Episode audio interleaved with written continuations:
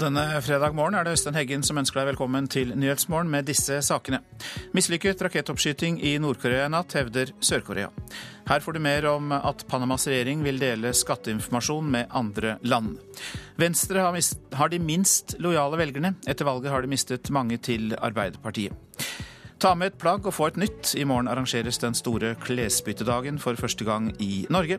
Og vi skal høre mer om en av tidenes mest elleville opphentinger i internasjonal fotball, Liverpool mot Dortmund i går kveld.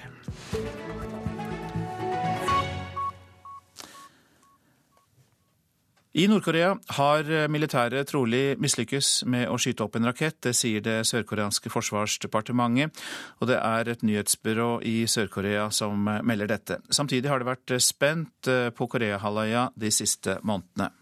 Mellomdistanseraketten skulle skytes opp ved østkysten av Nord-Korea, trolig for å markere fødselsdagen til landets avdøde leder Kim Il-sung.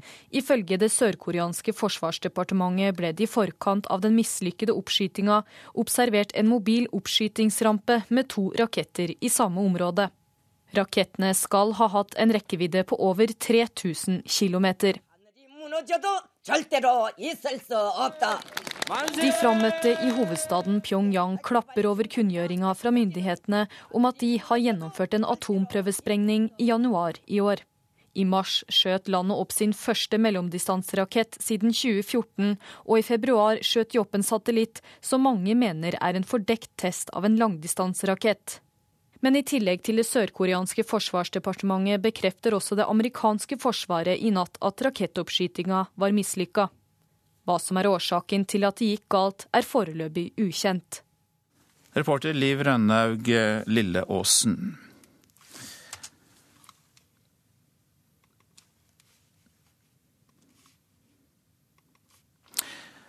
Panamas regjering vil dele skatterelevant informasjon med andre land. Det sier landets visepresident. Myndighetene i Panama har vært under hardt press siden Panama-dokumentene ble offentliggjort. OECD har krevd at landet må følge internasjonale skatterapporteringsregler.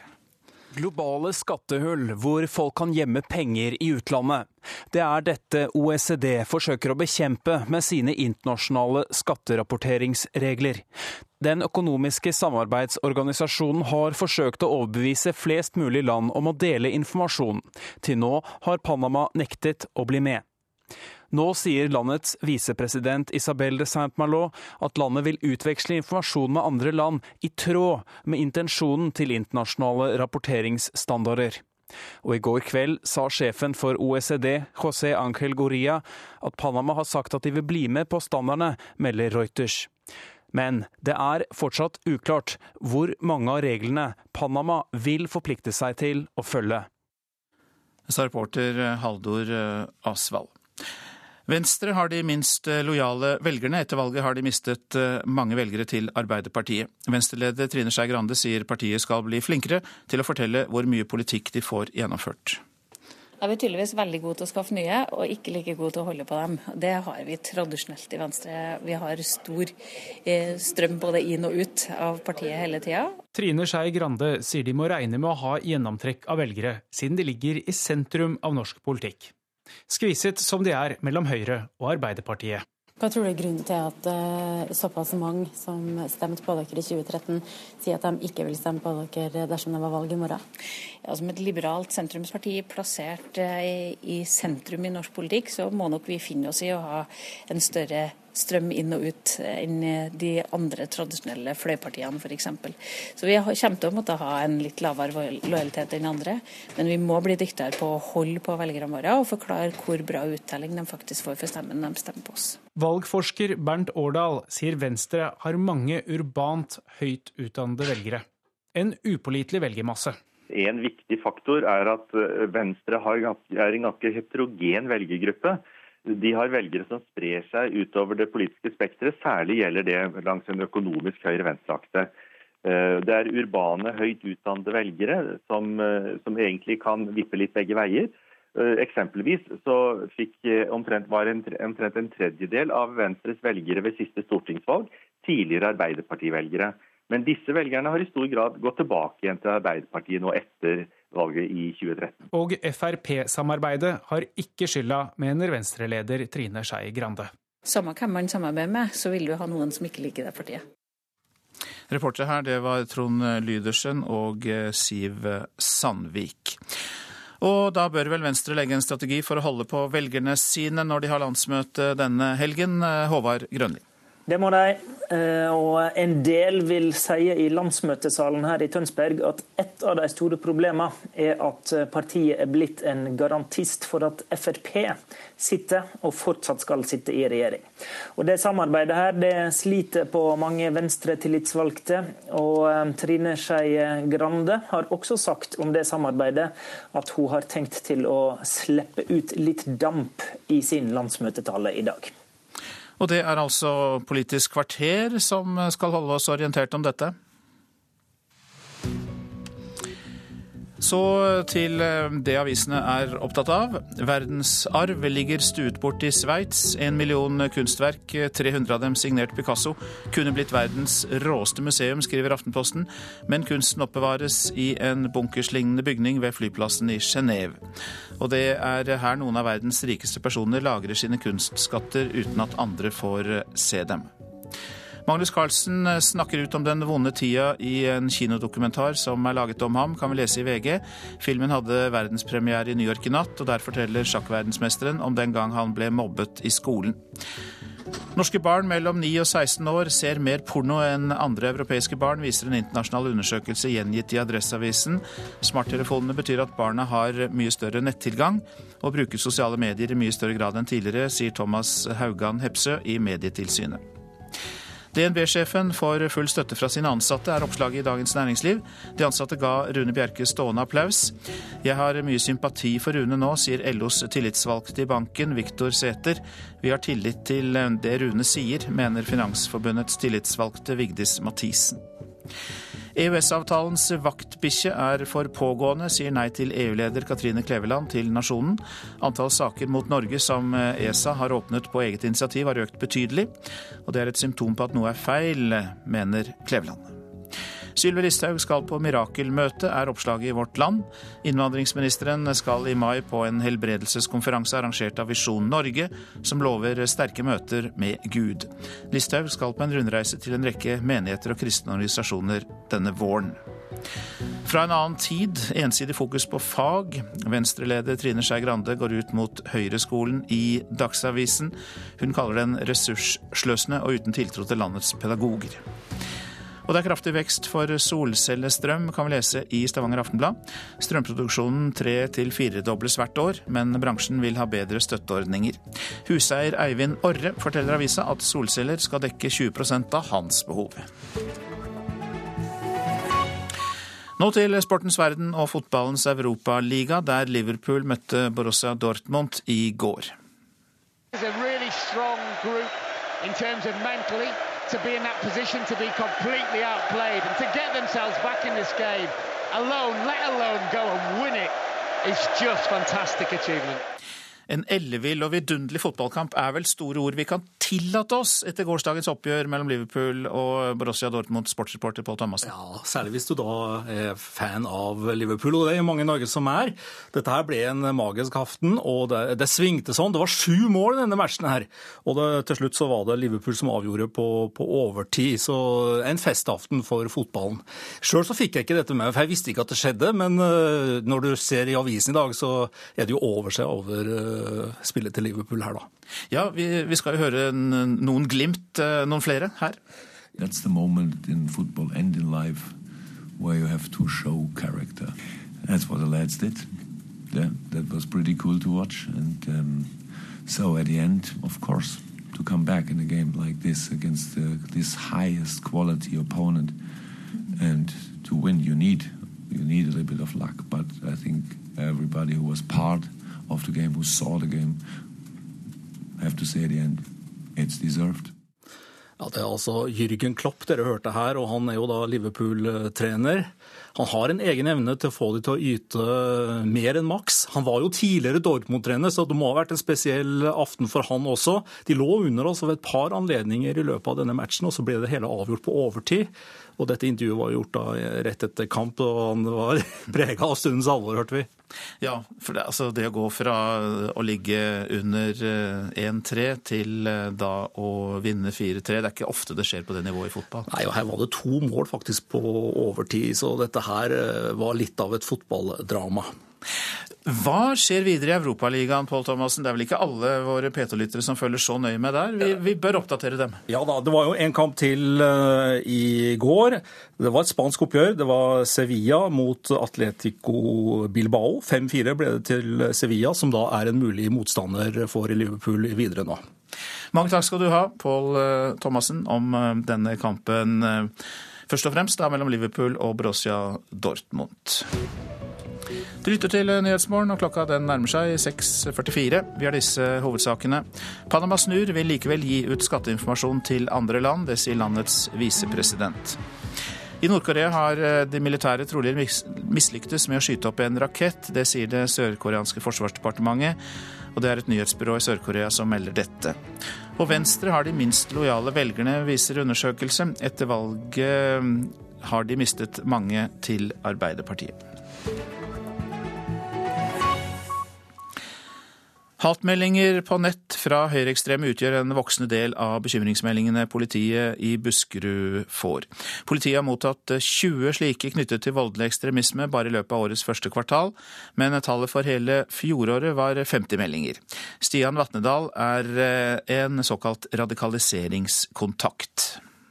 Det som bekymrer meg, er eh, kanskje det vi har sett av eh, motkrefter mot innvandringa. Altså hvor, hvor mye eh, noen har latt seg hva skal jeg si, provosere, og hvor langt noen har vært villig til å gå.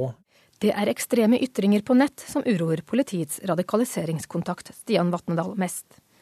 I fjor var to tredjedeler av bekymringsmeldingene knyttet til radikal islamisme mens så langt i år utgjør bekymringsmeldinger som knyttes til høyreekstremisme, halvparten av meldingene.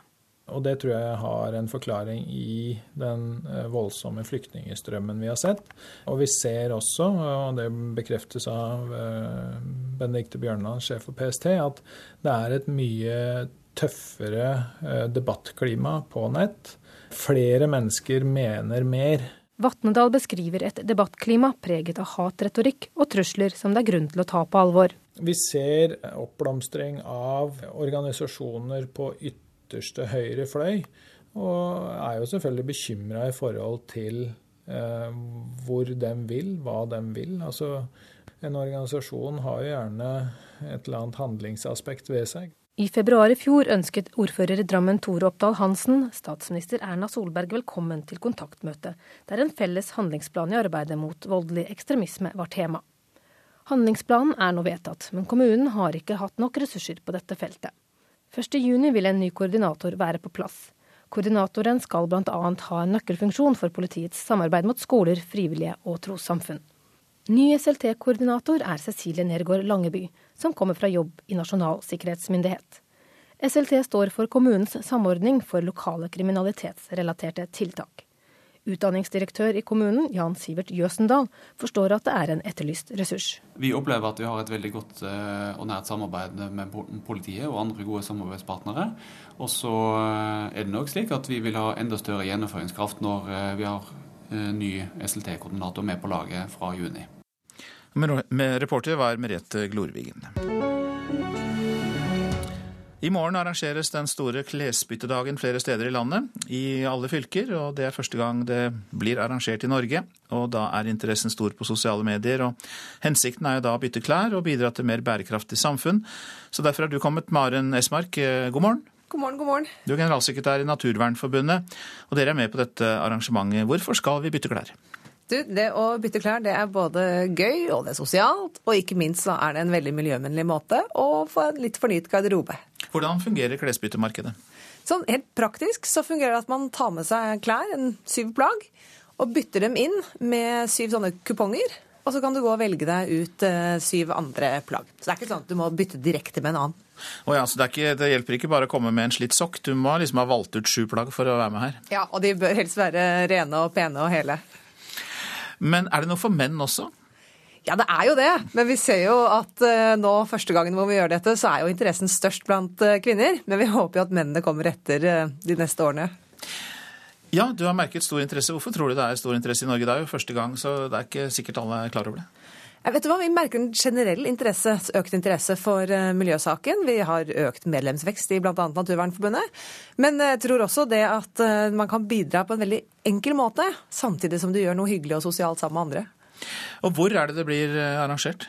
Du, Det er 63 arrangementer, så det er veldig mange steder. Alt fra bitte små nesten hjemme hos folk og til større på torg og sånn som på Kulturhuset her i Oslo. Men man kan gå inn på nettsidene våre, og der ser man et kart med alle stedene.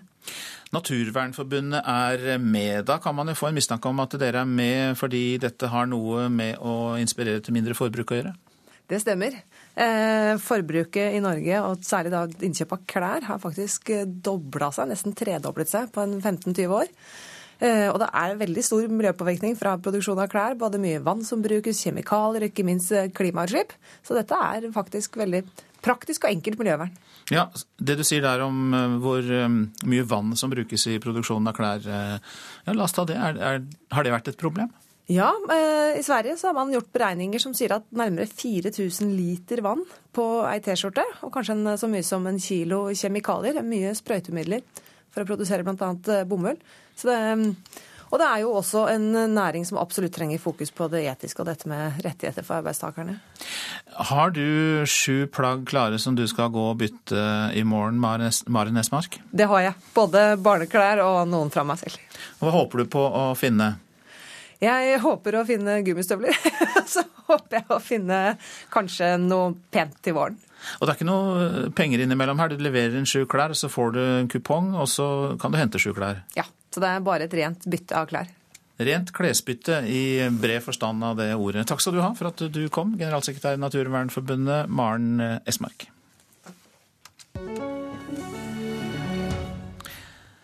Produsentene av Hollywood-filmen 'Snømannen' er ferdig med opptakene i Oslo og pakker sammen. Og snart får de tilbake om lag 40 millioner kroner av det de har lagt igjen av penger i Norge.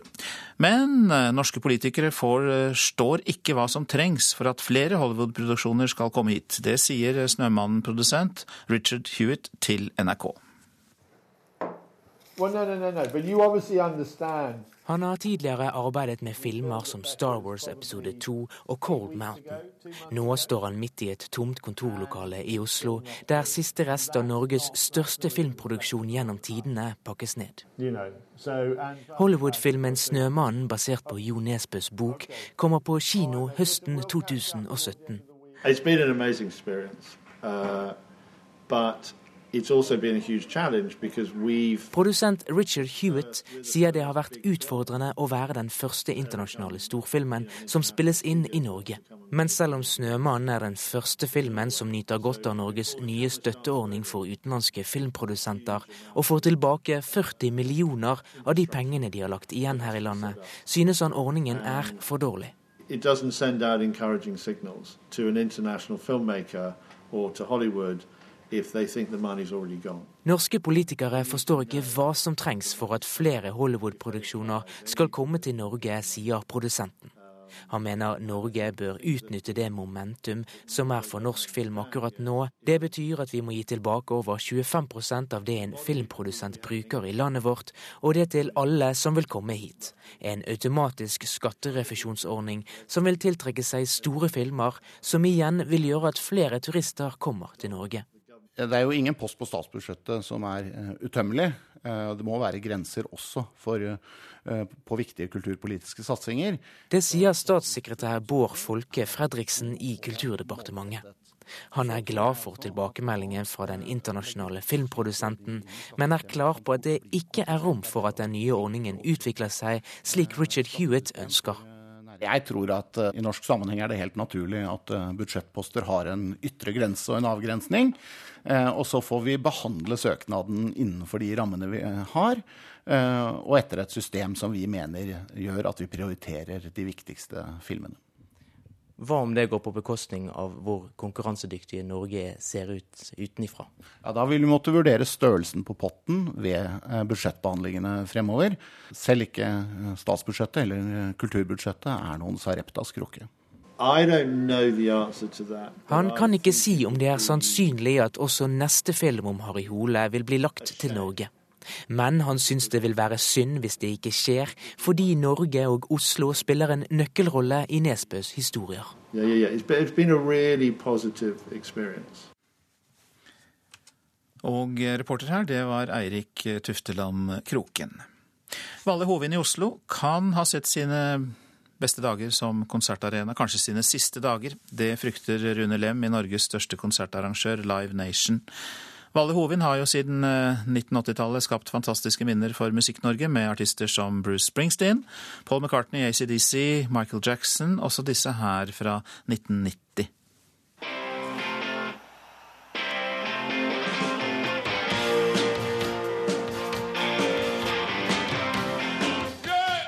Fra konsertmekka til byggeplass.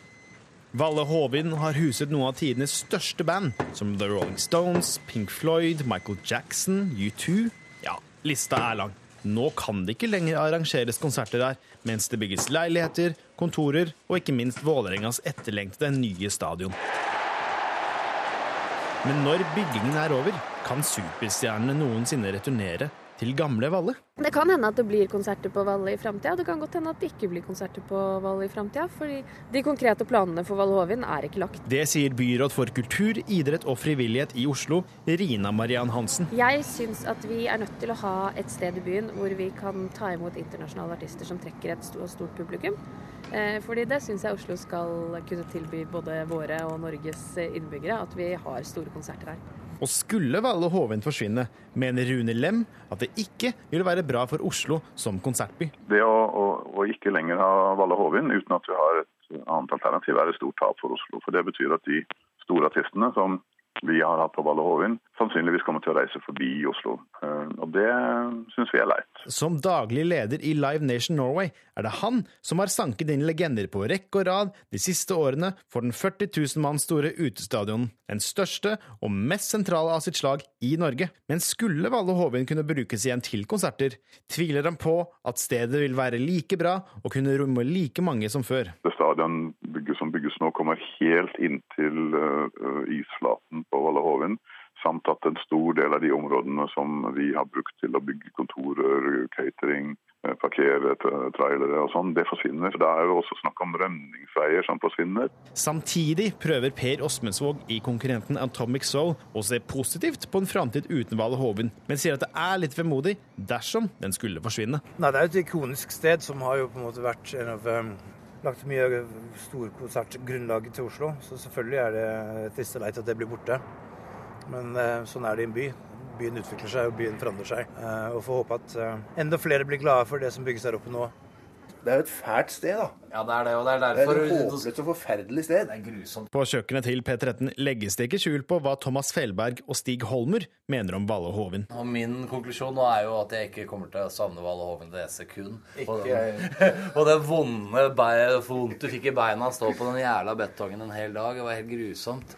Og logistikken å komme seg hjem fra Valle hoven og etter konsert, som jo alltid var helt håpløs, egentlig. Her er det ingen tvil om at Felberg, som til daglig er musiker og programleder, synes konsertstedet ikke egner seg som, ja, et konsertsted. Det er et upersonlig betonghøl, egentlig. Og det er jo ikke egentlig lagd for at det skal være konsert der. Eneste grunnen til at det har vært konserter der, er jo for at det ikke har vært et annet sted å arrangere konserter i den størrelsesorden. Han tror at dagens storband stort sett vil kunne tilpasse seg steder som Ullevål stadion og Telenor Arena, samtidig som han mimrer tilbake til alle de store opplevelsene han har hatt der helt siden 80-tallet. Jeg har hatt det veldig gøy på Valle Hovin, så jeg mener ikke liksom å si at det er helt jævlig der. Så jeg har sånn ambivalent forhold. Jeg har hatt det veldig gøy på Hovin, men jeg har alltid syntes det har vært et møkkasted. Reporter her, det var Nikolai Volsdal. Norske kommuner er lite forberedt på de store skadene utgraving og erosjon kan skape. Det konkluderer Vestlandsforskning, som har gransket den store oktoberflommen i Flåmsdalen og Lærdal i 2014. Kommunene gjør for lite, det sier forskningsleder Carlo Aall. Den store overraskelsen er jo at eh, det ble så store utgravinger, og det gikk så ekstremt fort. Forskningsrapporten viser at utgraving av store løsmasser var en mer dramatisk konsekvens enn selve overfløyminga. Carlo Aall mener mange kommuner i det klimaforebyggende arbeidet sitt har sett seg blinde på såkalla flaumkart. De er faktisk bare oversvømmelseskart. De er absolutt ikke utgravingskart.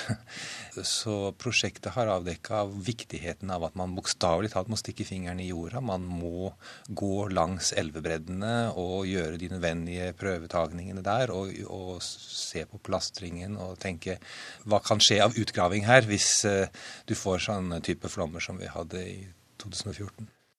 Noralf Bellersen var eh, reporter. Så til værvarselet. Østafjells og fjell i Sør-Norge.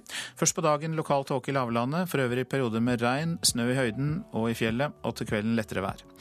Vestland og Trøndelag regn og regnbyger store deler av dagen. Snø i høyden, til kvelden letter også der i ytre strøk. Nordland opp i sørlig stiv kuling på kysten først på dagen. Seinere minkende vind. Perioder med regn, snø i høyden. Utpå dagen noe sol i nord. Troms og Finnmark sørlig opp i stiv kuling øst for Lyngsalpan. Minken utover dagen. Litt snø på Finnmarksvidda, ellers opphold og sol. Og Spitsbergen får noe skyet vær i nord, ellers lettskyet. Temperaturer klokka fem. Svalbard lufthavn minus 14, Kirkenes minus 4, Varde 0, Alta 2, Tromsø minus 3. Bodø pluss 4, Brønnøysund 3, Trondheim 1, Molde 3, Bergen 2, Stavanger 5, Kristiansand 6, Gardermoen 5, Lillehammer 3, Røros minus 1, og så var det pluss 6 i Oslo.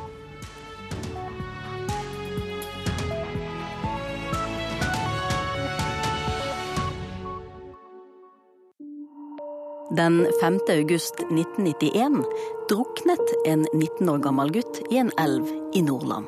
Man kan nevne Joar, men man snakker ikke om han, og man snakker jo ikke om, om sorgen eller om at han døde. Familien har aldri snakket om det som skjedde, før nå. Fortell meg om Joar. Radiodokumentaren lørdag klokken ti i NRK P2.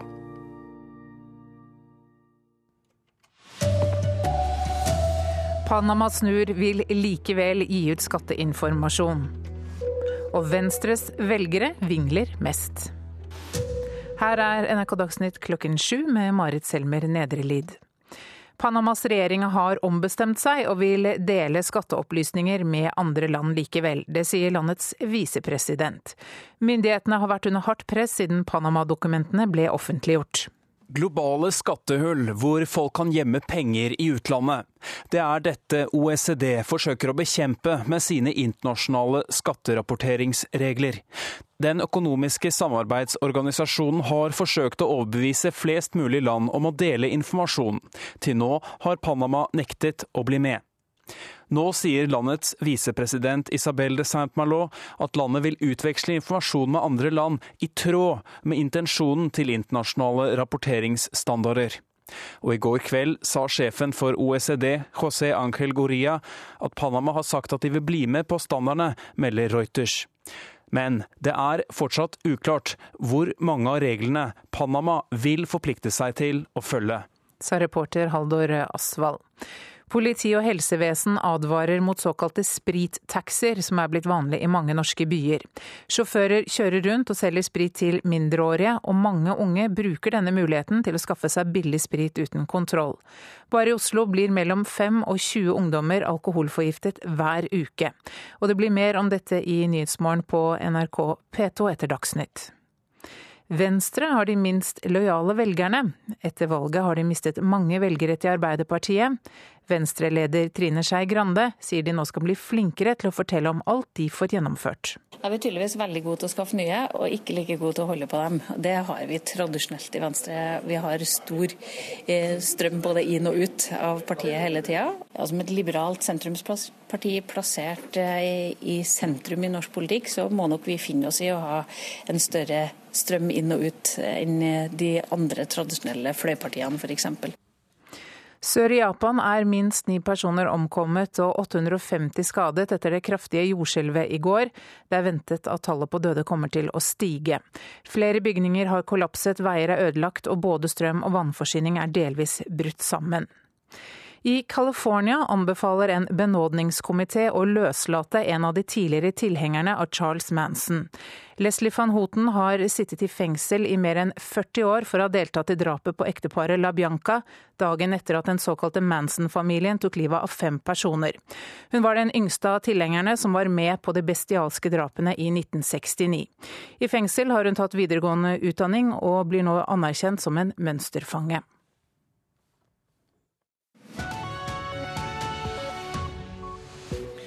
Hva skal vi gjøre med de sprittaxiene som selger alkohol til mindreårige, som vi hørte om i Dagsnytt? Vi spør Mina Gerhardsen i Rusfeltets samarbeidsorgan.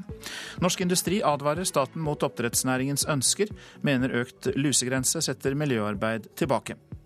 Vurderingsevne og troverdighet, det var stikkord for den opphetede debatten mellom Hillary Clinton og Bernie Sanders i New York. Og tandem erstatter russebuss i Sarpsborg. Hør om russen som velger frisk luft og mosjon i Nyhetsmorgen. Politi og helsevesen advarer altså mot såkalte sprittaxier, som er blitt vanlige i mange norske byer. Sjåfører kjører rundt og selger sprit til mindreårige, og mange ungdommer benytter seg av muligheten til å få kjøpt billig uten kontroll. Bare i Oslo blir mellom 5 og 20 ungdommer alkoholforgiftet hver uke. Elever på Hartvig Nissen videregående skole i Oslo sier det er svært enkelt å skaffe sprit. Ja, Det å ringe sprittaxi, det altså, det er jo like lett som å bestille en pizza. Kjenner dere noen som har benyttet seg av slikt tilbud? Ja. ja. Jeg vet om folk helt ned i 15-årsalderen som har benyttet seg av sprittaxi. Ja, samme her. Samme her. Totalt 80 ungdommer under 18 år kom til Oslo legevakt med alkoholforgiftning i fjor. I årets første tre måneder har så mange som 26 tenåringer blitt sendt til legevakten med alkoholforgiftning, og for legevaktens team er sprittaxier et kjent fenomen. Fride Berens Færvåg, prosjektleder for ungdom og rus ved Oslo legevakt, forteller at de en helg hadde flere ungdommer som kom inn samtidig. De hadde kjøpt eh, sprit fra sprittaxi. De var rundt 14-15 år. Og hva forteller de da? Nei, De forteller at de har kontaktpersoner da, som gjør at de får tak i denne, denne spriten. Hva tenker du om at mange av disse ungdommene kjøper sprit fra sprittaxier? Det er kjempealvorlig. Og de, de, vet jo ikke hva dette innebærer overhodet. Og spesielt også når dette kan være da, utblandede ting, ikke sant, metanol, så er det kan være livsfarlig. Så jeg tenker det er kjempeskremmende. Også politiet er bekymret over den rusen ungdommene utsettes for via sprittaxier. Det sier politioverbetjent ved Majorstua politistasjon, Ann Merete Ansok. De har veldig liten erfaring med den rusen som sprit gir. Den gir dem høy promille på kort tid. Vi ser flere tilfeller av alvorlig alkoholforgiftning. Og det er gjerne nå på vårparten, hvor mange av de har større frihet, er lenger ute og unndrar seg de voksnes kontroll. Og da er det mye alkohol ute, og lett tilgjengelig. Ifølge Ansok er også flere av sjåførene som kjører rundt og selger sprit til mindreårige, tatt for lignende forhold før, eller kjent fra annen kriminalitet. Dette er jo da uh, ulovlig omsetning av alkohol uh, i form av smuglervarer som selges da til mindreårige. Og det her er jo da selgere fra miljø som vi ikke ønsker at ungdom skal ha kontakt med. Så langt i år så har det blitt lagt inn mer eller mindre en hel skoleklasse av ungdommer under 18 år med alkoholforgiftning på legevakten i Oslo. Hva tenker dere om det? Herregud, det er jo helt grusomt. Jeg syns at sprittaxi er et helt elendig opplegg. Men at det finnes for lite informasjon om det. Man snakker for lite om det på skolen. Man tenker ikke over konsekvensene, og vi lærte det altfor sent. Jeg tror noe av det viktigste er at man lærer ungdommer å drikke ansvarlig. Og så vet man veldig lite om det veldig ofte, når du blir på en måte introdusert for det. Så hvis du ikke har hørt noen på en måte si konsekvensene av det, så tenker man bare alkohol er alkohol. Til slutt hørte vi Maika Werner og Ingrid, som går i tredje klasse på videregående skole i Oslo. Reporter Camilla Skarra. Mina Gerhardsen, velkommen. Takk skal du ha. Du er generalsekretær i Aktis, rusfeltets samarbeidsorgan. Og Hva syns du om at det er like lett å bestille alkohol fra en sprittaxi som å bestille en pizza? Dette er jo alvorlig. Først og fremst fordi at det gir veldig ung ungdom med mulighet til å kjøpe veldig sterk alkohol. Og vi vet av forskning at unge som drikker er mye mer sårbare for å havne i dårlige eller farlige situasjoner enn eldre. Så den tilgangen ønsker vi ikke at de skal ha. I tillegg så er det jo det at dette her er ulovlige varer. Vi vet ikke om det er smugla, vi vet ikke om det er mer hjemmesnekra med f.eks. metanol i, så det kan være farlig, potensielt livsfarlig. Hva sier dette oss om håndhevelsen av alkoholloven for tiden? Vi klarer ikke å lage et helt tett system, men at dette fenomenet nå ser ut til å vokse, er bekymringsfullt. Politiet er jo opptatt av å få stoppet det, men de er jo helt avhengige av hjelp fra andre som hører om det. Det er ikke lett å ta dette på fersken uten å, å vite litt mer om hva som skjer. Så vi trenger jo at ungdom vet mer om risiko, slik det ble snakket om her, og at foreldre følger med, snakker med ungene sine, hører hva som skjer i deres miljø, og også er med på å varsle hvis det er mistanke om at dette foregår i deres nærmiljø. Ja, du setter meg på noe. Har vi sluttet å bry oss, altså varsle når vi ser noe mistenkelig? Fortelle politiet om sprittaxi? i hvert fall helt avhengig av at folk tar det ansvaret. At det ikke bare for egne unger, men eh, ungene, ungdommene i sitt eget nærmiljø og, og, krets. For det er sånn man kan få stoppet den type fenomener. Og dette her er veldig alvorlig. Du ber folk om å varsle, du ber foreldre snakke med ungdommene sine. Eh, viktig for å endre, selvfølgelig, men eh, kan samfunnet som helhet gjøre noe her? Vi må jo se på politiressursene, hvilke muligheter de har til å følge opp. Dette er jo eh, organisert kriminalitet, det er nettverk. Og som det ble sagt av politiet her, dette er folk som også har vært borti andre saker. Så det er klart at dette handler både om vår generelle eh, kriminalitetsbekjempelse, men også om forebygging blant ungdom. At de har nok kunnskap og har eh, fått, eh, fått, undervisning som gjør at de har godt vern for å ta gode beslutninger. Dette er jo da noen som åpenbart har eh, funnet en åpning i eh, markedet for eh, ulovlig salg av alkohol. Altså de reiser rundt og plukker ut ungdommer, selger dem alkohol. Hvordan er det i det store og hele med den ulovlige omsetningen av alkohol for tiden? Der mangler vi oversikt. Altså, Norge mangler en totaloversikt på, på alkoholforbruk og salg. Vi, vi veit ikke hva som smugles, vi vet for lite om disse tingene. Vi har heller ikke kontroll på f.eks. salg på ferjer og den type ting. Så dette er noe Aktis har bedt helseministeren ta tak i, og få bedre oversikt over hva som eh, konsumeres, for å kunne sette inn bedre innsats. For dere er jo en samarbeidsorganisasjon for eh, flere som jobber mot rus? Ja, vi har 27 medlemsorganisasjoner som jobber på ulike deler av rusfeltet. Bl.a. flere ungdomsorganisasjoner som selvfølgelig er opptatt av den saken her. At eh, ungdom skal ikke utsette på det, denne tilgangen og det gruppepresset det kan gi at det er så lett å få tak i sprit. Takk skal du ha for at du kom til Nyhetsmorgen. Mina Gerhardsen, som altså da er generalsekretær i Aktis, rusfeltets eh, samarbeidsorgan. Fiskeriministeren bør ikke høre på oppdrettsnæringen. Det sier leder i Norsk Industri, Stein Lier Hansen. I forrige uke vedtok interesseorganisasjonen Sjømat Norge at de vil øke lusegrensa på oppdrettslaks. Men eh, Stein Lier Hansen mener næringen heller trenger et spark bak. Det er viktig at enhver næring settes under visst press, og noen ganger så må du ha et lite spark i baken. Igjen er laks og lus stridens kjerne. I forrige uke vedtok oppdretternes organisasjon Sjømat Norge at de går inn for å øke lusegrensa med 150% for kommende laksekonsesjoner. Målet er å sikre vekst i næringen. Nei, Vi reagerer veldig på det. Og du kan ikke si at du skal få vekst i en næring eller en industribransje dersom du ikke kan dokumentere for myndighetene at du faktisk klarer å ta vare på det ytre miljøet. Og Derfor så mener vi at det er et dårlig forslag, og det er et angrep på egentlig en god politikk. Er du selv laksefisker? Nei, jeg er ikke noen ivrig laksefisker. Men jeg er veldig opptatt av at villaks, sjøørret og alle andre arter som hører naturlig til i naturen, så klart skal skånes mot uh, en næring som kan føre til at arter utryddes eller desimeres. Men uh, Så mitt motiv går mer på at alle arter må vi ta hensyn til for at en næring skal kalle, kunne kalles bærekraftig.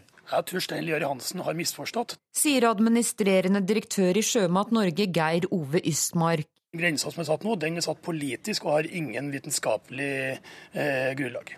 Jo lavere grensene er, jo hyppigere må du behandle. Jo hyppigere du behandler, jo mer resistens vil du utvikle. Og det som er den store utfordringa i havbruksnæringa, det er utvikling av resistens.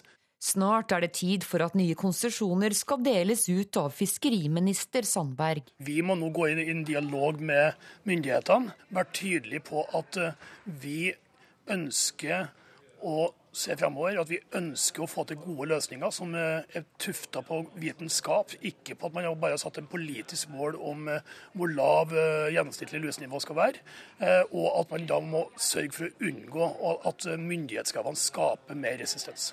Som eneste oppdrettsselskap er Marine Harvest medlem i Norsk Industri.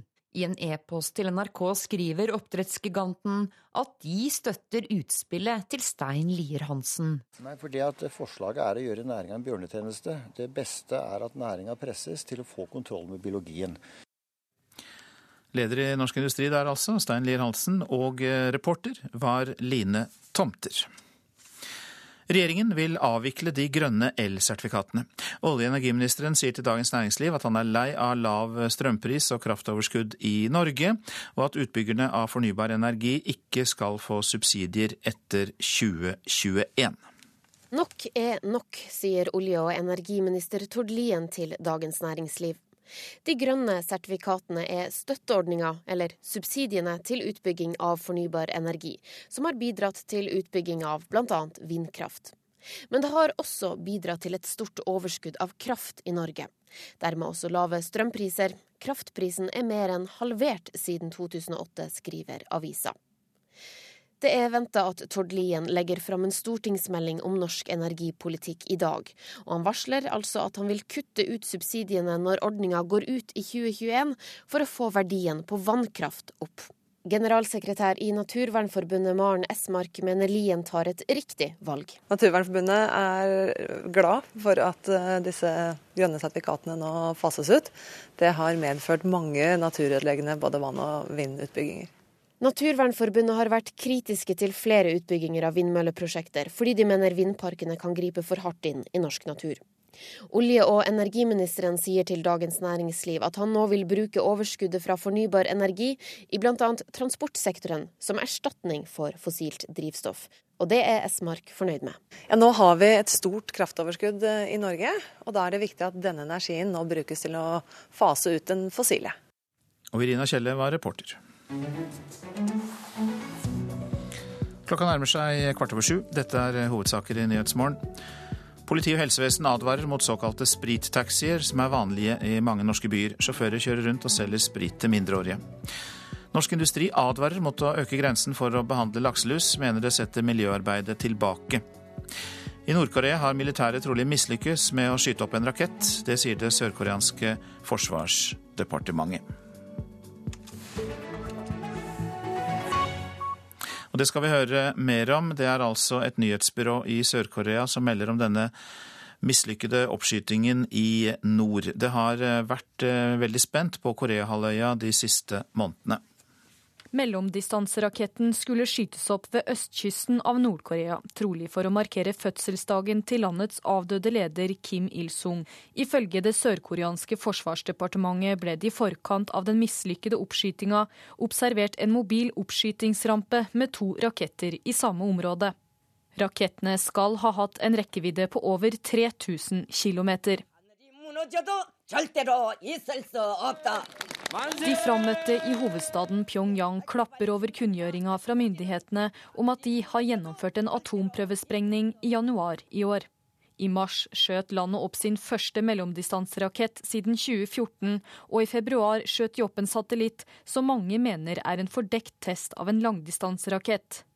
Men i tillegg til det sørkoreanske forsvarsdepartementet bekrefter også det amerikanske forsvaret i natt at rakettoppskytinga var mislykka. Hva som er årsaken til at det gikk galt, er foreløpig ukjent.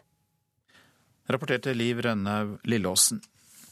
Kampen om nominasjonen fra New York toppet seg i natt. Det demokratiske partiets to presidentkandidater gikk løs på hverandre i en fjernsynsdebatt, og så har det vært omfattende protester utenfor hotellet der republikanerne holdt en gallamiddag i natt.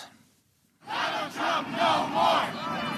Flere tusen demonstranter la ikke skjul på hva de mener om den omstridte forretningsmannen Donald Trump. Utenfor hotellet der Trump og de to rivalene Cruz og Kasich talte til New Yorks republikanske parti, holdt demonstrantene plakater og ropte slagord.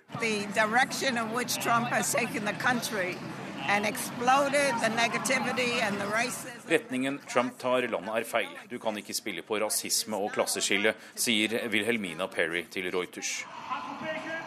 Ralph Ferrigno mener Trump er vulgær og den verste kandidaten gjennom tidene. He's vulgar about women, the things he said about his daughters, the things he said about Muslims, about Mexicans. He's just a joke. Flere tok seg også inn på hotellet med et banner der det sto 'New York avviser hatpartiet'. Elleve av demonstrantene ble arrestert.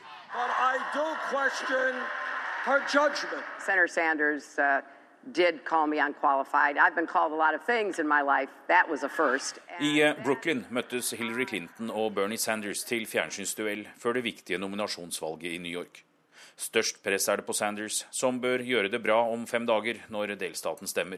I question a judgment which voted for the war in Iraq the worst foreign policy blunder in the history of this country? He had to question my judgment. Well, the people of New York voted for me twice to be their senator from New York. And... Det var en følelsesladd utveksling på CNN i kampen om newyorkernes stemmer. De kranglet for åpen mikrofon om hverandres vurderingsevne, børsene og spekulantene på Wall Street, minstelønn, Midtøsten og våpenkontroll. De siste ukene har de to kampanjene angrepet hverandre, og det var få forsonende øyeblikk. Sanders gikk også etter Clinton for hennes støtte til frihandelsavtaler og interessegruppene som gir penger til kampanjen hennes.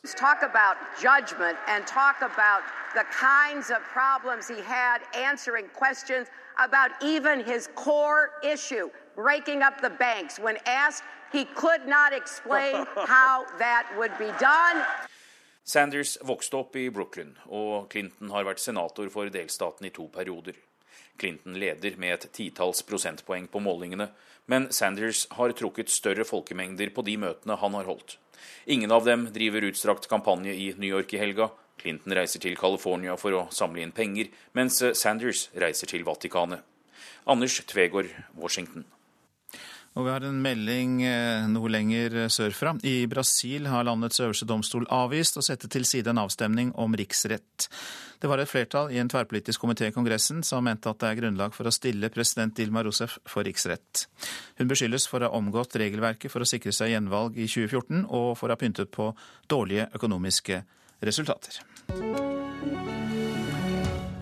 Lederne fra verdens islamske land samles i disse dager i Istanbul. Krigen i Syria er et av temaene når Tyrkias president Recep Tayyip Erdogan er vert for Organisasjonen for islamsk samarbeid, OIC.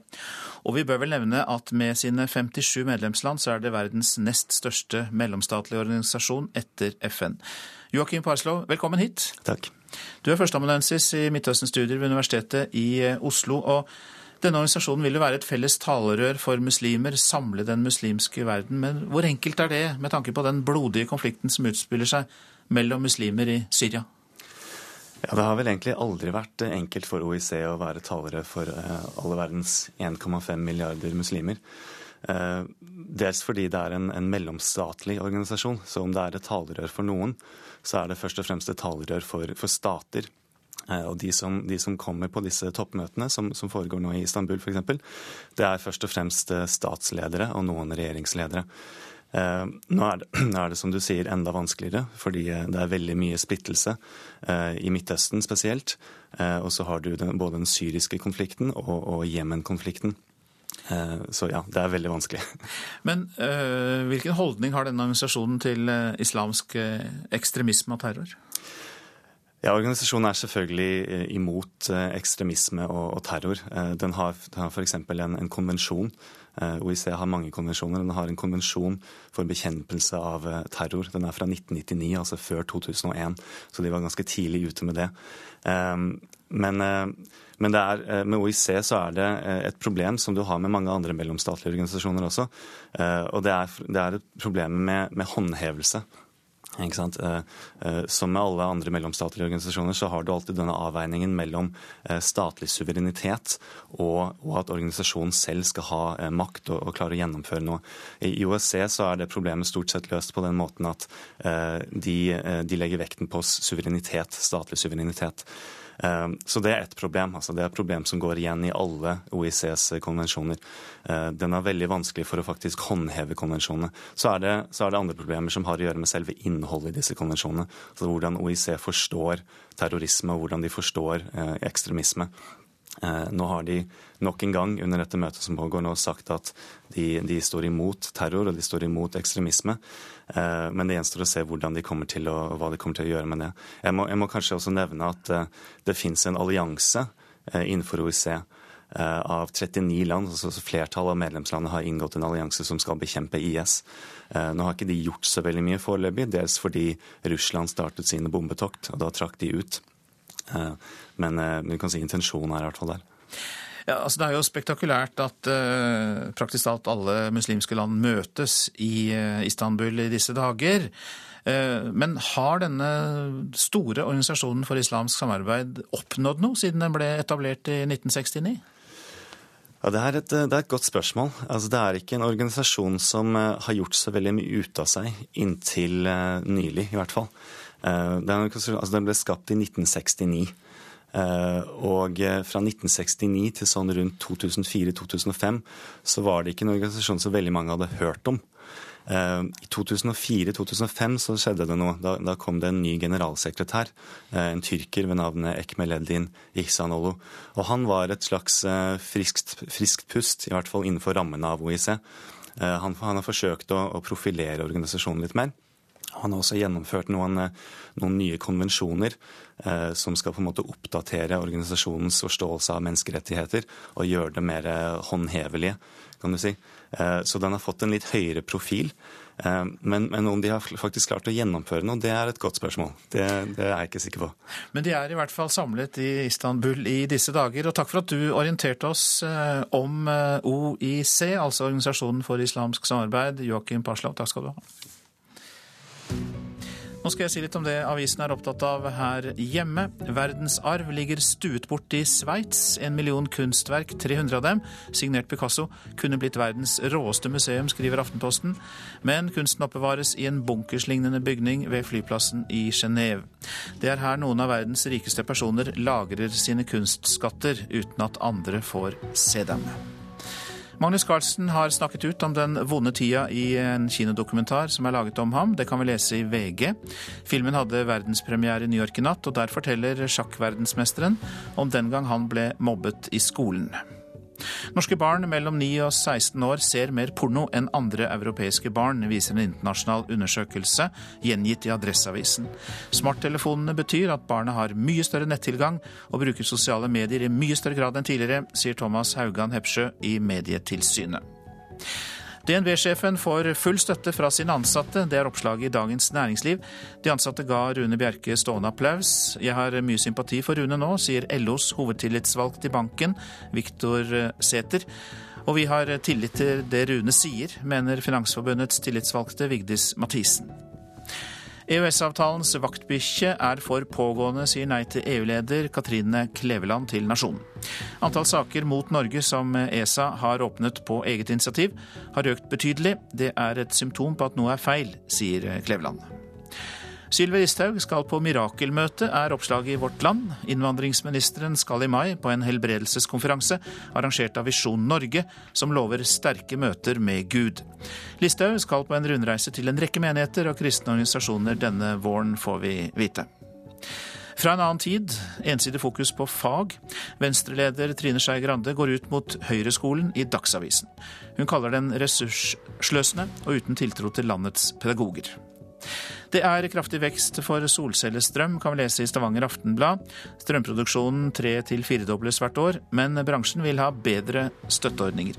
Huseier Eivind Orre forteller avisa at solceller skal dekke 20% av hans behov.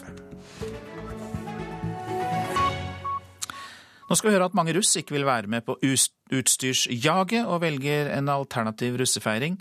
I Sarpsborg har tre russ ved Greaker videregående skole byttet ut russebuss og dugnad med en tandemsykkel som har plass til tre av dem.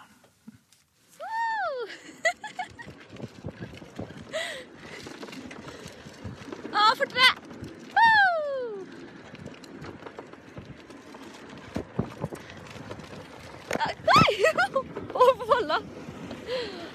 Margrethe Krage sitter på kremplassen på sykkelen som hun deler med to medruss. Sammen med Sveinung Eide Hansen og Sander Knoll har hun valgt bort kostbare russebusser og vaner til fordel for en tandemsykkel.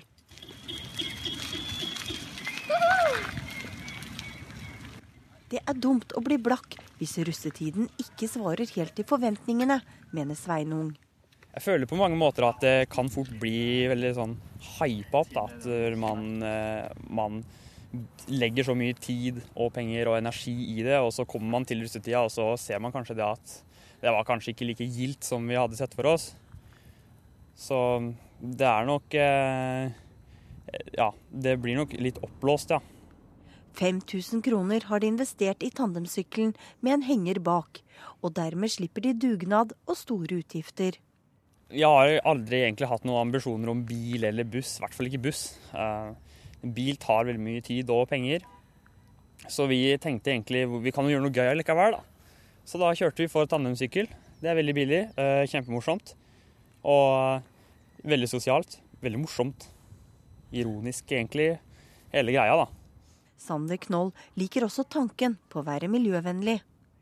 Jeg syns det er en original twist på hele konseptet. Og så er det billigere enn det å kjøre en eh, van. Da. Og det er jo også miljøvennlig, da. Hva er viktigst? Eh, det blir jo pengene og miljøet, da. Det er det jeg tenker. Det er merka russ, for å si det sånn. Sykkelen skal de bruke hele russetiden, og de kaller seg Bipolarekspressen. For når tre skal samarbeide, kan det fort gå litt i stå. Ja, altså Enhver bakke er jo altså Det er full mobilisering når vi skal opp en bakke. Vi må jo uh, samarbeide, vi må jo trå skikkelig, vi må få inn rytmen. Hvis ikke så stopper det opp, og hvis det stopper opp, da, må, da er det veldig enkelt å tippe også. Vi har vært veldig heldige. Vi har ikke hatt noen, uh, noen situasjoner som har vært uh, som har vært ganske Altså vi har ikke kommet i noen farlige situasjoner. Vi har ikke tippa ennå, f.eks. Så det har egentlig gått veldig fint. Og det var Anette Torjussen som besøkte tandemrussen på Greåker skole i Sarpsborg. Og vi har eh, mer om sykler i reportasjen etter Dagsnytt. Elsykler, riktignok. De og en ny metro skal redde Ecuadors hovedstad fra dårlig luft. Politisk kvarter sendes fra Tønsberg, der Venstre holder landsmøte, og partileder Trine Skei Grande er selvfølgelig da gjest i Politisk kvarter kvart på åtte. Prosent for Nyhetsmorgen i dag, Ulf Tannes Fjell, og her i studio, Øystein Heggen.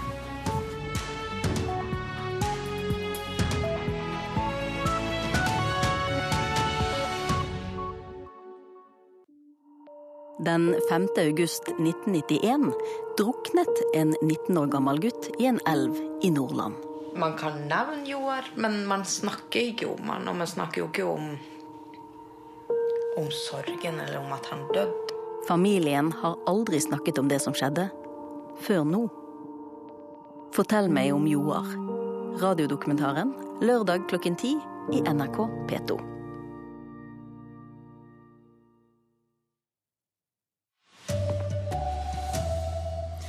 Like lett å få tak i sprit som å bestille pizza, sier ungdom. Nå advarer politiet mot sprittaxier. Panama har ombestemt seg, vil dele informasjon om skatt likevel. Og regjeringen vil ikke lenger sponse utbyggingen av grønn energi.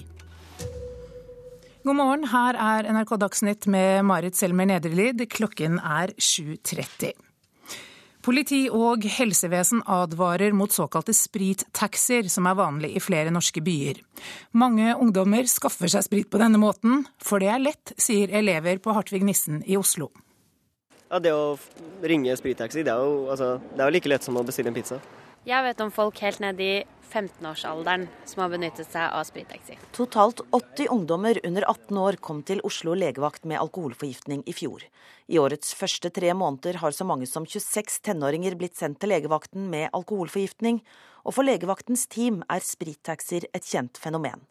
Fride Berens Færvåg, prosjektleder for ungdom og rus ved Oslo legevakt, forteller at de en helg hadde flere ungdommer som kom inn samtidig. De forteller at de har kontaktpersoner da, som gjør at de får tak i denne, denne spriten. Og Spesielt også når dette kan være da, utblandede ting, ikke sant, metanol, så er det kan være livsfarlig. Så jeg tenker det er kjempeskremmende. Også politiet er bekymret over den rusen ungdommene utsettes for via sprittaxier. Det sier politioverbetjent ved Majorstua politistasjon, Ann Merete Ansok. De har veldig liten erfaring med den rusen som sprit gir.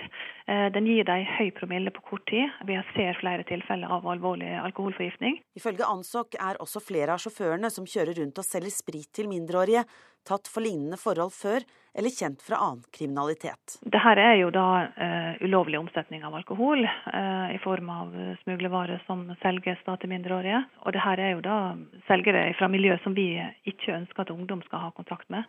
Det finnes for lite informasjon om det, man snakker for lite om det på skolen. Så hvis du ikke har hørt noen på en måte si konsekvensen av det, så tenker man bare alkohol er alkohol. Reportere her var Camilla Skarra. Panamas regjering vil dele skatterelevant informasjon med andre land, det sier landets visepresident. OECD er glad for Panamas nye kurs. OECDs generalsekretær José Gorria forteller fornøyd at de akkurat har fått vite at Panama har sagt offentlig at de vil følge internasjonale standarder og dele skatterelevant informasjon med andre. Det er gode nyheter, sier han. If that is the case, and if they do it uh, in whole, that is very good news indeed. Det var Panamas visepresident og utenriksminister Isabel de Saint Malo som fortalte nyheten om at de vil legge om kursen når det gjelder åpenhet i forhold til såkalte postkasseselskaper. Landet har vært under hardt press etter at Panama-dokumentene ble offentliggjort, som avslørte at internasjonale ledere, narkobaroner og andre har gjemt milliarder av kroner i skatteparadiser som Panama. Finansministrene i EU-landene Storbritannia, Frankrike, Tyskland, Italia og Spania foreslo i går en svarteliste over skatteparadiser, dersom de ikke deler nødvendig informasjon med andre. The det er avgjørende å få vite hvem som er de reelle eierne av et selskap, for å hindre skatteunndragelse og hvitvasking av penger, sa Tysklands finansminister Wolfgang Schaule på møtet. Også Verdensbanken og OECD har krevd strengere kontroller med skatteparadisene. Reporter Inger Marit Kolstad Bråten. Regjeringen vil slutte å subsidiere utbyggingen av fornybar energi. Olje- og energiminister Tord Lien sier til Dagens Næringsliv at han vil avvikle ordningen med de grønne elsertifikatene. Vindmølleparker og solkraft det er eksempler på fornybarutbygging som får støtte gjennom de såkalte grønne sertifikatene, eller subsidier om du vil. Støtteordninga har bidratt til mer fornybar energi i Norge, og dermed også et stort kraftoverskudd. Og nå er nok nok, mener olje- og energiminister Tord Lien. Kraftprisen er mer enn halvert siden 2008, ifølge Dagens Næringsliv. Og Lien sier til avisa at han vil kutte ut subsidiene når ordninga går ut i 2021, for å få verdien på vannkraft opp. Generalsekretær i Naturvernforbundet Maren Esmark mener Lien tar et riktig valg. Naturvernforbundet er glad for at eh, disse grønne sertifikatene nå fases ut. Det har medført mange naturødeleggende både vann- og vindutbygginger. Naturvernforbundet har vært kritiske til flere utbygginger av vindmølleprosjekter, fordi de mener vindparkene kan gripe for hardt inn i norsk natur. Esmark mener det er lurt å bruke av kraftoverskuddet vi har. Ja, nå har vi et stort kraftoverskudd eh, i Norge, og da er det viktig at denne energien nå brukes til å fase ut den fossile.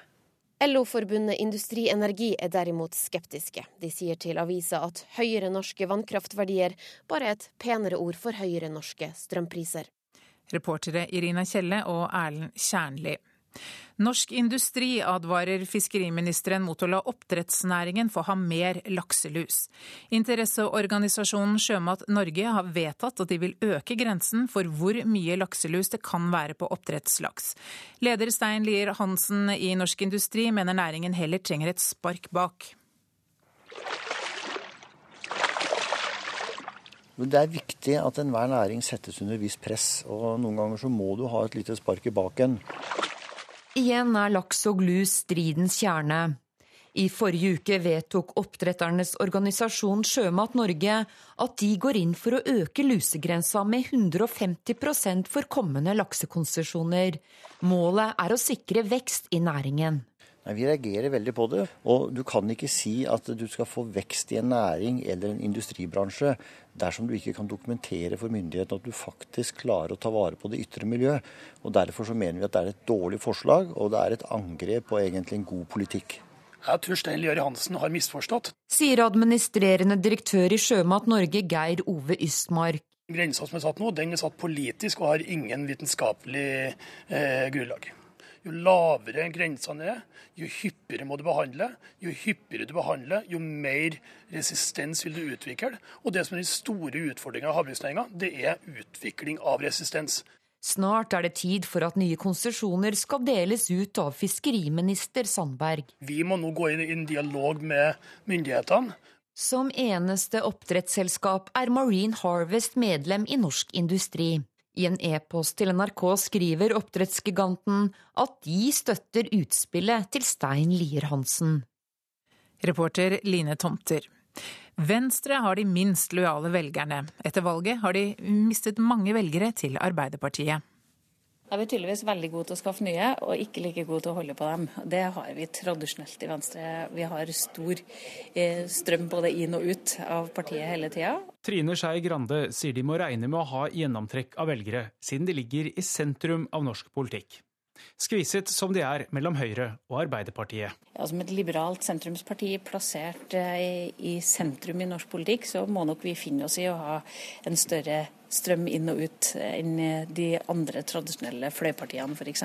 Men vi må bli dyktigere på å holde på velgerne våre og forklare hvor bra uttelling de faktisk får for stemmen de stemmer på oss. Valgforsker Bernt Årdal sier Venstre har mange urbant høyt utdannede velgere.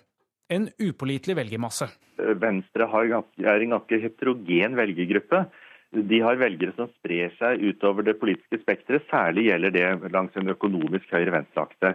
Det er urbane, høyt utdannede velgere som, eh, som, egentlig kan vippe litt begge veier.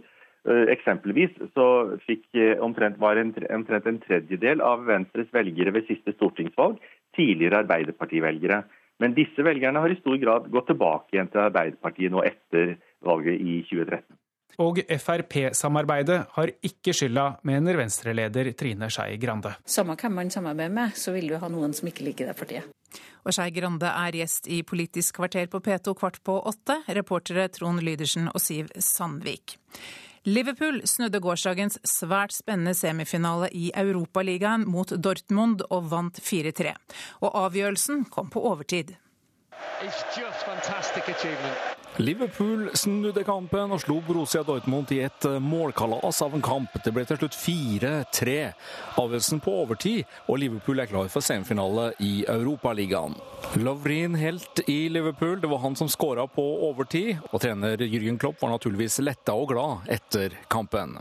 Then really that's the moment in football and in life where you have to show character Jürgen Klopp, som tidligere var trener for Dortmund, var mektig stolt over Liverpool-laget i går kveld. Denne seieren satt langt inne, men var fullt fortjent.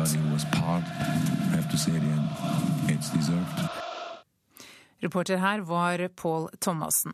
Ansvarlig for NRK Dagsnytt, Sven Gullvåg.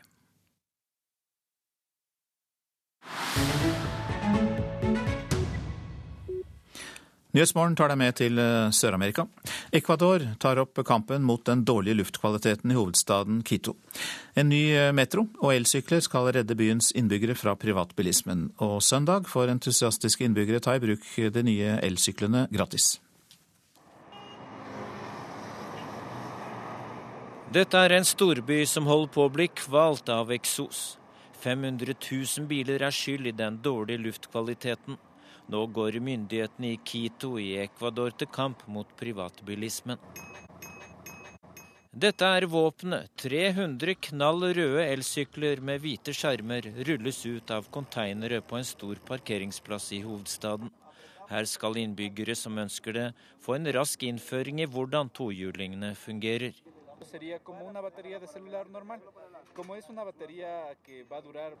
En instruktør forklarer de frammøtte at batteriet lades opp så lenge du bruker pedalene. Ei av de som viser interesse, er Christina Kellat. Hun gleder seg til første prøvetur. eh, la bicicleta pública, que empiece a hacer más ejercicio, porque a la final no por el hecho de que la bicicleta sea eh, eléctrica, eh, tú vas a dejar de pedalear. Elsyklene hjelper oss til å komme i gang med trening. For selv om syklene har batteri, så må du trå, forteller den unge kvinnen med de store solbrillene. Hun forteller at det er lange avstander i byen med 2,2 millioner innbyggere. Quito ligger på 2800 meters høyde, så lufta er tynn. Da er det godt med drahjelp fra batteriet, slår hun fast.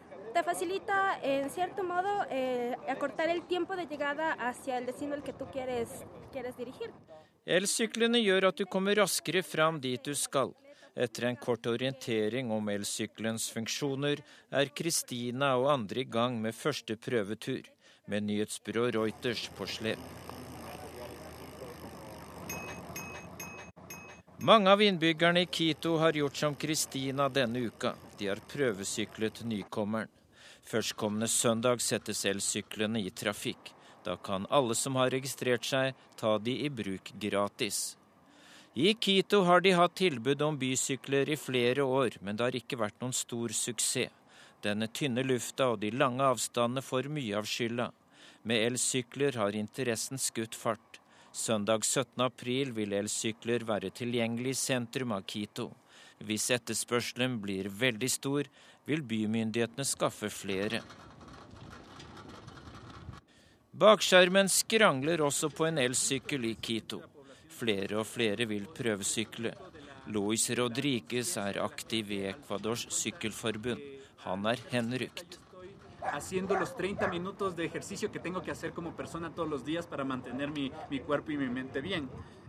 Vi har sett en økende interesse. Flere har innsett at de trenger minst 30 minutters trening per dag for å holde kropp og hode i form, sier sykkelentusiasten. Jeg er overbevist om at antall innbyggere som vil bruke sykkel og elsykkel, vil øke sterkt i tiden som kommer, sier han. Med 300 nye elsykler og 700 vanlige sykler håper myndighetene i Quito på en stor miljøgevinst. De har brukt 900 000 amerikanske dollar, om lag 8 millioner kroner, på sykkelprosjektet. Et annet viktig tiltak for miljøet er å få bilister over på skinner. Den nye metroen i Quito får stadig flere reisende. De som styrer i hovedstaden i Ecuador, er i ferd med å følge det de kaller den grønne planen. Sa reporter Dag Bredvei. Dette er hovedsaker i Nyhetsmorgen. Panama snur. Landet vil likevel gi skatterelevant informasjon til andre land. Det sier landets visepresident. Såkalte sprittaxier er blitt vanlig i mange norske byer. Sjåfører kjører rundt og selger sprit til mindreårige. Norsk Industri advarer mot å øke grensen for å behandle lakselus i oppdrettsanleggene, mener det setter miljøarbeidet tilbake. I Nord-Korea har militæret trolig mislykkes med å skyte opp en rakett. Det sier det sørkoreanske forsvarsdepartementet. Og så er det straks Politisk kvarter, og det er Håvard Grønli som er programleder der i dag.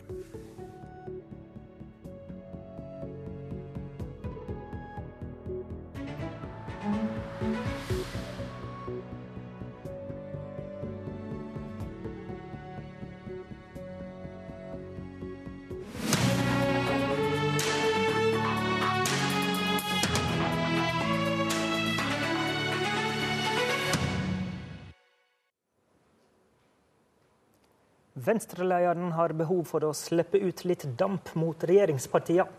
Partiet vil involvere det offentlige mer i norske barns oppvekst. Er Trine Skei Grande i ferd med å ta et lite steg mot nettopp Venstre? Velkommen til Politisk kvarter, Trine Skei Grande. Tusen takk for det. Og takk for at eh, vi får være gjester her i Venstres landsmøtesal i Tønsberg. Oppvekst er hovedtema for Venstres eh, landsmøte, og slagordet er 'liberal politikk for framtida'. Er det et mål at alle norske barn skal gå i barnehage? Ja, jeg håper at alle norske barn skal gå i barnehage. Og spesielt de ungene som har krevende, utfordrende lærevansker eller en krevende hjemmesituasjon. Det er nettopp de ungene som vi ønsker å nå.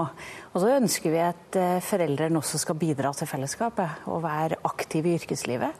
Eh, og jeg drømmer om en, en tid der vi faktisk alle barna kan få den hjelpa og den gode starten som en barnehage er for mange. Hva med det vi i dag kaller SFO? Om lag tre fjerdedeler av norske barn under ti år går i SFO. Vil du ha flere inn der? Nei, sånn, Samme som med barnehage, så mener jeg at det skal være frivillig. Men det vi ser, det er at det er de familiene som kanskje har trengt SFO aller mest, de som har dårlig råd, som ikke velger SFO. Eh, og Vi kan ikke ha det sånn i Norge at vi lager et stort, fint offentlig gode som vi vet at unger har godt av, og så er det bare de rikeste som kan bruke det. Det kan vi ikke akseptere. Så Derfor så må vi se på om det er ting vi skal gjøre som sørger for at alle ungene reelt sett, eller foreldrene, har et valg. Om de kan velge både barnehage og SFO for sine. Derfor så ville vi ha ned prisene, spesielt for de lavtlønna, nettopp for å gi tilgangen til dette godet mer likt enn det det er i dag. Men i sum da så trengs det at det offentlige tar litt mer ansvar for norske barns oppvekst? Nei, det ansvaret det er helt og fullt familien sitt. Men det vi ser, det er at vel, vi nå har utvikla veldig mye gode måter å jobbe på, som gjør at unger får en bedre start i livet. Og det er ingenting som er så viktig for et liberalt parti som å gi unger en god start, sånn at de får utvikla den friheten de skal ha i løpet av sitt liv. Det å, det å takle lærevansker, det å takle sosiale utfordringer. Det vi ser nå at mange unger vokser opp i fattige familier som gjør at de ikke opplever barndommen sin som like fri. Det er det som er jobben til politikken, er å utjevne de forskjellene. Gi alle unger en like god start, uansett hvem foreldrene er eller bostedsadressen de har. Men la oss ta noen eksempel på politikk som kan bli vedtatt i denne salen eh, denne helga. Altså gratis barnehage for lavinntektsfamilier, kveldsåpne barnehager, droppe kontantstøtte, innføre ventestøtte for de som ikke har barnehage ennå. Skilsmissebarn skal ha rett på å bo i heimen mens mor og far flytter inn og ut. Kurs for førstegangsforeldre. Peker ikke alt dette mot å gi det offentlige enda mer innvirkning da, på områder der familien før kanskje har hatt uh, mer kontrollen? Ja, Det er alltid et liberalt dilemma der når ens frihet står opp imot den andre. Og Det som vel velges i dette møtet, er jo ungene sin frihet. Og Da må kanskje de voksnes frihet skrumpes litt inn, fordi vi syns det er viktig at alle unger får en like god start uansett. I dag mener jeg det er en av Så de store Så da er det et liberalt prinsipp å gi ja, det, offentlige en større rolle? Det er en viktig frihetskamp i Norge at alle unger får en like god start. Uansett om du har fattige foreldre, eller uansett hvor du bor i Norge. Og den frihetskampen, spesielt frihetskampen i forhold til fattigdom hos barn, er en viktig frihetskamp i Venstre. Og så er Det sånn at eh, det er veldig få av disse tingene som gjøres til tvang. Det er fortsatt valgfriheten som ligger i det. Men det vi ønsker er at når noen vurderer skal vi barnehage eller ikke, så skal det ikke være inntekter til husstanden som bestemmer.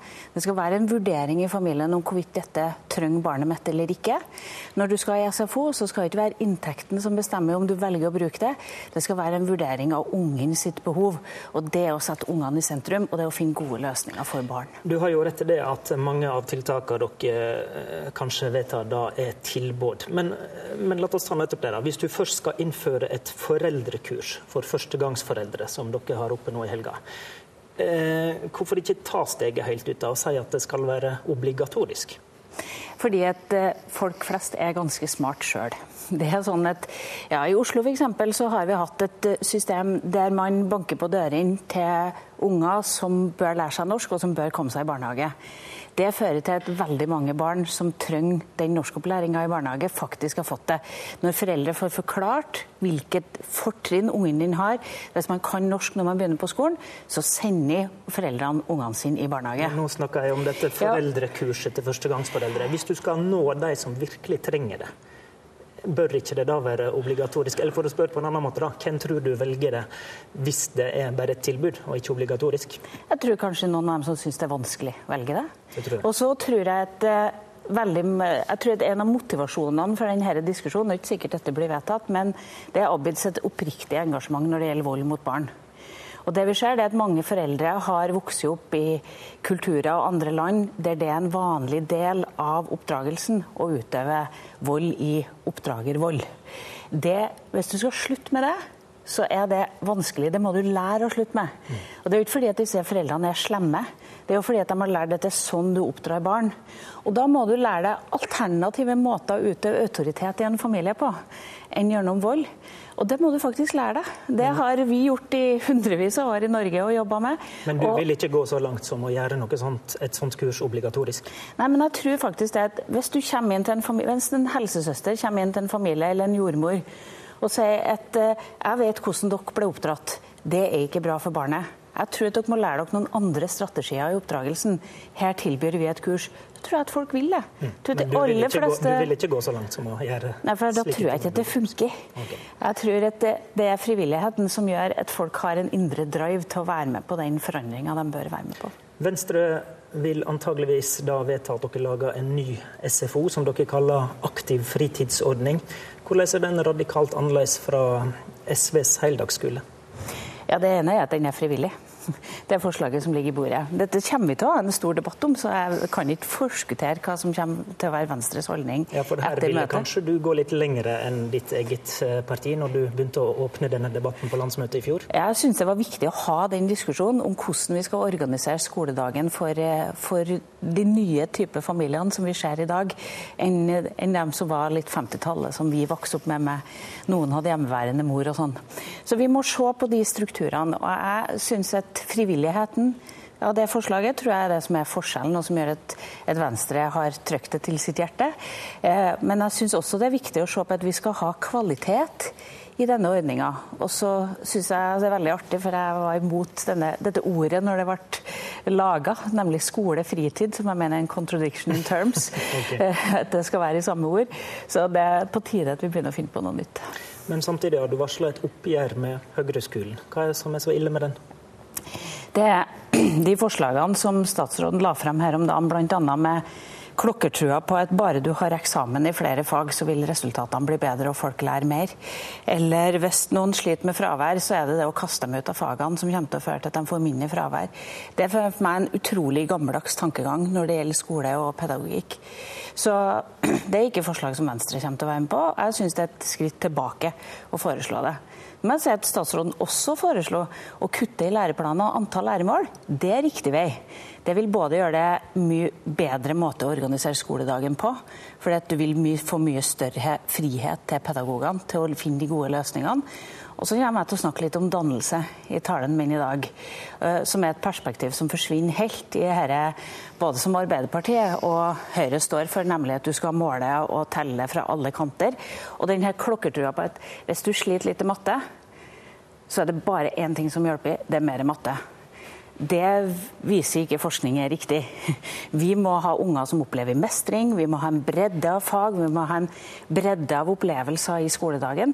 Og Det er litt av det jeg har lyst til å snakke om i dag. Forstår du en partikollega som sier at hun kjenner på et nesten daglig ubehag ved å samarbeide med Frp? Ja, det, det, er faktisk umulig i norsk politikk å klare å lage et flertall uten at du må ha med noen som kanskje ikke er øverst på ballkortet. Forstår du ubehaget? Ja, det forstår jeg. Det kjenner jeg òg på.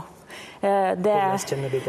Nei, det er klart at Den dagen regjeringa valgte å legge fram en pakke på innstramminger som var helt på, på asylfeltet, som var helt i tråd med Frp sin hovedlinje, så var jeg utrolig skuffa. Og det var utrolig tøft å, og tenke at dette skal vi ikke klare å nedkjempe i Stortinget. Jeg har ikke gitt meg på det. Men så må vi også tenke på de gangene vi, vi får til viktige miljø- og klimatiltak som vi har fått til et skikkelig taktskifte Eh, sammen disse partiene. Mm. Og det er sånn i norsk politikk at du må samarbeide med ganske mange. og Jeg tror at Frp irriterer seg over Venstre av og til, og det er nok sant at Venstre av og til irriterer seg over Frp. Tror jeg du kan ha rett i. Men du har varsla at du vil slippe ut litt damp i landsmøtetalen din, som du formulerte det. I eh, hvilken retning peker tuten på tekanna når du skal slippe ut denne dampen, da? Nei, jeg tror Det pågår jo en debatt i Venstre om hva det er vi skal gå til valg på ved neste stortingsvalg. Eh, og, og, den debatten skal få gå. og jeg har bare lyst til å si Ja, Hva vil du med det, den debatten som du åpner for? Det er den her klokkertroa på at uh, verden er rød eller blå, eller svart eller hvit, eller at det ikke finnes noe andre alternativ. Uh, jeg vil nok tenke på at det finnes alternativ i norsk politikk. Det kommer ikke til å bli noe flertallsregjering. Eh, etter neste valg. Det er ingenting som tyder på at det finnes noen alternativ som vil bygge det. Og Da må jeg tenke hvilket alternativ hadde Venstre ønska seg for en regjering? Og, og, hvilken regjering tror vi da at vi har fått det? Og det er... Nei, Det er en sentrum-høyre-regjering som vi gikk til valg på også sist, og som ikke vi fikk nok støtte til å klare å gjennomføre. Men det er velgerne som bestemmer om hvorvidt det blir en helt blå, eller en blå, en rød, eller om det blir faktisk en blå-grønn regjering. Men syns du norsk politikk er for blokkdelt, da? Ja, jeg syns det er for blokkdelt i trua på at du kan lage regjeringsalternativ på andre måter enn bare et ytterste høyre eller ytterste venstre må være med. Jeg ønsker jo å trekke politikken mot sentrum, for jeg tror at i sentrum de gode løsningene faktisk ligger. Men den blokkdelinga, da, er ikke det nettopp et resultat av at du har signert en forpliktende samarbeidsavtale som binder Stortinget opp i ei høyresideblokk og en venstresideblokk? Nei, vi ønsker å inngå en avtale for å få gjennomført mest mulig politikk. Det er det som er mandatet mitt. De 150 000 som stemte på meg. Ja, men blokkdelinga er jo en konsekvens av det. Samarbeidsavtalen den, den gir bare avtale på noen felter. Og der har vi bytta flertall. Vi fikk, vern, nei, fikk, til varig vern i denne perioden av Lofoten, Vesterålen og Ytre Senja. Og Høyre fikk gjennom noen av sine grep innenfor helsesektoren. Vi har bytta noen flertall. Det vet vi du er fornøyd med, men du kan jo ikke samtidig være misfornøyd med en oppfatning av blokkdeling, når du har signert et papir som, som eh, gjør at det er to faste blokker i Stortinget? Nei, det er ikke to faste blokker. I går eksempel, hadde vi en likestillingsmelding der Venstre hadde veldig mange primærforslag. Noen av dem fikk vi også støtte for, fra Arbeiderpartiet på. Eh, og det er, det er et felt vi ikke har noen avtale, det er et felt vi ikke har noen samarbeidsavtale på. Og da står vi helt fritt. Og da så vi at det danner seg mange spennende nye flertall i Stortinget. Så da er det et mål for deg nå å synliggjøre at du ikke er noe høyreparti? Målet mitt i dag er å fortelle hvor viktig det er å satse på skole og miljø framover, og hvilke steg vi skal gjøre videre. Og Det som avgjør hvem Venstre samarbeider med, det er hvem vi får til mest sammen med. Vil du eh, stille krav til fortsatt samarbeid med regjeringa? Ja, det er klart at I dag kommer jeg til å si hva som er viktig for Venstre å få gjennom, gjennom et sånt samarbeid, og det håper jeg er noe som Erna Solberg hører på. Er vi kommet dit at Venstre bør inn i regjering snart? Ja, Det har vi vel egentlig ment i Venstre lenge, men vi må også sette en regjering der vi kan bære et samarbeid innad i regjeringa. Og det, det, tror jeg er vanskelig med Frp, det har jeg sagt i alle år. Men Vil du si at, er, at vi er kommet dit at det er helt uaktuelt? Det vi, har, det vi, har, sett de siste årene, er jo et, eh, et, Frp som prøver både å være opposisjon og posisjonsparti. Det er slitsomt å sitte i regjering med. Det har i hvert fall vært veldig slitsomt for Venstre. Vi har hørt i dag om at Venstre er partiet med de mest utru velgerne. Under halvparten som stemte Venstre i 2013, vil gjøre det igjen i 2017. Det er jo eh, skikkelig ille tall, egentlig. Hvorfor blir velgerne skremt bort fra Venstre? Ja, Det som er fascinerende, er at vi klarer å få tak i så mye nye hele tida. At vi klarer å holde oss opp på vårt nivå.